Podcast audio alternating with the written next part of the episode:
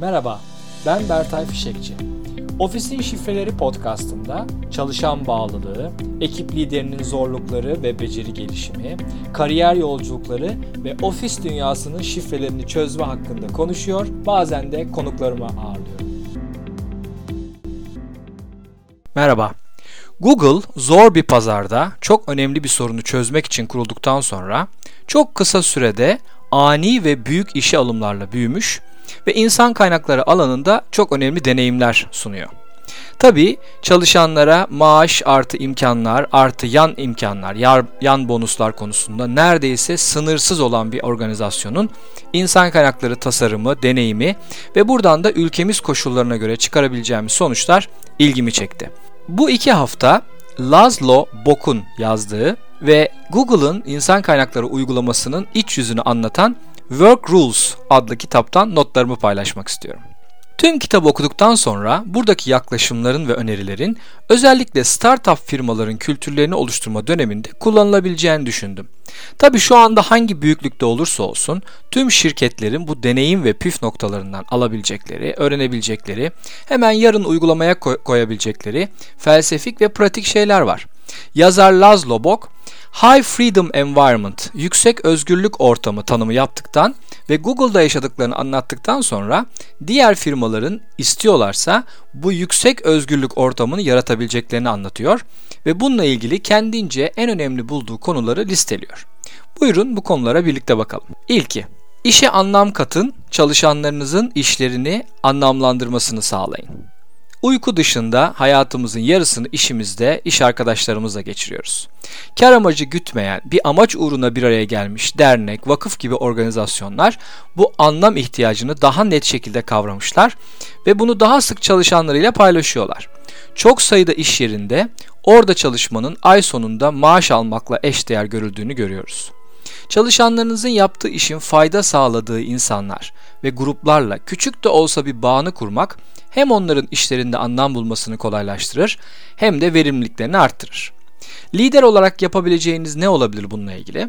Şirketin net bir misyonu olmasını sağlamak, misyonu mümkünse çalışanlarınızla birlikte yazmak ve sık sık yaptığınız işi, aldığınız kararları bu misyona bağlamak. Bir örnek vermek isterim burada. Sağlık sektöründe müşteriyi ve sahadaki ortamı görmeyen ofis ekibini bir hastane gezisine götürmek ve firmanın sattığı cihazların sahada nasıl bir işlev gördüklerini görmelerini sağlamak buna bir örnek olabilir. İkinci maddem çalışanlarınıza güvenin. Şirketi yeni kurdunuz. Ekibinizle ilk satışlarınızı ve ilk düzenli işlerinizi yarattınız. Büyümeye başlıyorsunuz. İşe yeni aldığınız çalışanlara güvenmekle işe başlayabilirsiniz.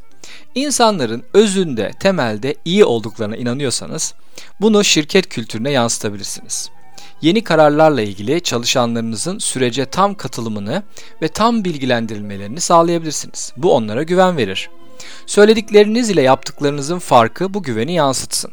Şu anda kültürünüzün bu noktada olmadığını düşünebilirsiniz. Küçük adımlarla başlayabilirsiniz. Sonunda çalışanlarınızın çalışan gibi değil, kendi şirketlerinin sahibi gibi davranmasını, hissetmesini ve sahiplenmesini istiyorsunuz. İşte bunun yolu da bu güveni sağlamaktır. Lider olarak yapabileceğiniz bir örnek vermek isterim. Okuyacağınızı garanti ettiğiniz bir öneri kutusu başlatabilirsiniz. İsimli veya isimsiz çalışanların önerilerini almak ve bu önerilerle ilgili bir sohbet toplantısı düzenlemek mümkün olabilir.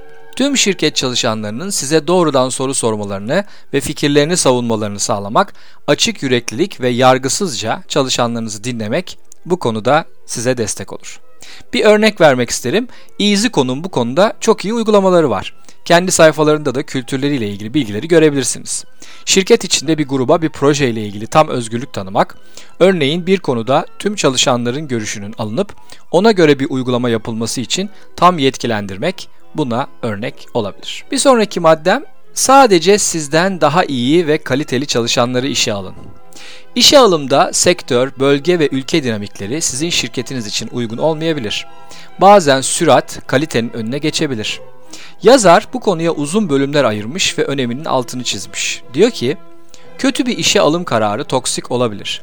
Sadece kendi performansını mahvetmekle kalmaz, aynı zamanda etrafındaki ekibin de enerjisini, havasını ve moralini ve performansını düşürebilir. İşe alımlarda objektif kriterleri önceden belirleyip bir grubun kararıyla ilerlemenizi öneriyor yazar. Böylece süreç hem takip edilebilir hem de daha doğru kararlar verilebilir. Google'ın yaptığı önemli farklı uygulamalardan biri müdürlerin tek başına işe alım yapma otoritesini bir gruba aktarmış olması örneğin.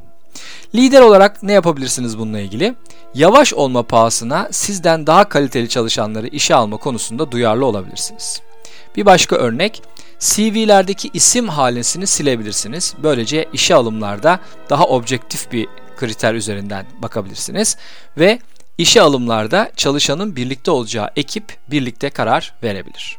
Bu podcast'teki son bölümümde gelişimle performans yönetimini birbirine karıştırmayın. Kendi zayıf noktalarıyla karşılaşmak kimseyi mutlu etmez, hatta gerginlik yaratabilir. Eğer eleştiriyi çalışanı etkileyecek bir sonuca bağlı hale getirirseniz ve eğer çalışanlar hedeflerine ulaşmazlarsa profesyonel ve ekonomik olarak kaybı olacaklarını düşünürlerse öğrenme ve gelişme yerine argümanlar geliştirecek, savunmaya geçeceklerdir. Gelişim diyaloglarını güven içinde yapmak son derece önemlidir. Çalışanın tehdit ve kayıp duygusu olmadan ve kendini savunma ihtiyacı hissetmeden bu diyaloğun içinde olması sonucu çok daha iyi hale getirecektir. Performans görüşmelerini sonucun gerçekleşip gerçekleşmediğine göre ve bunun sonundaki ödül üzerinden yapar ve gelişim diyaloğunu performans görüşmelerinden ayırarak süreci ve gelişim ihtiyaçlarınızı konuşursanız daha iyi bir süreç olabilir diye düşünüyorum. Bu şekilde yapılırsa hiçbir gelişim diyaloğunda sürpriz olmaz. Zaten ekip lideri ve çalışan yıl boyunca belli bir sıklıkta gelişimi konuşmuş olurlar ve çalışan yıl boyunca desteklenmiş hisseder. Lider olarak burada ne yapabilirsiniz? Performans yönetimi süreciyle gelişim sürecini ayırma yönünde bir liderlik yaklaşımı gösterebilirsiniz. Burada nasıl bir örnek olabilir? Her toplantıdan sonra senin daha başarılı olabilmen için ne yapabilirim yaklaşımı içinde güven dolu bir gelişim diyaloğunu şirkete yerleştirmeye başlayabilirsiniz. Haftaya bu konuya devam edeceğim. Görüşmek üzere.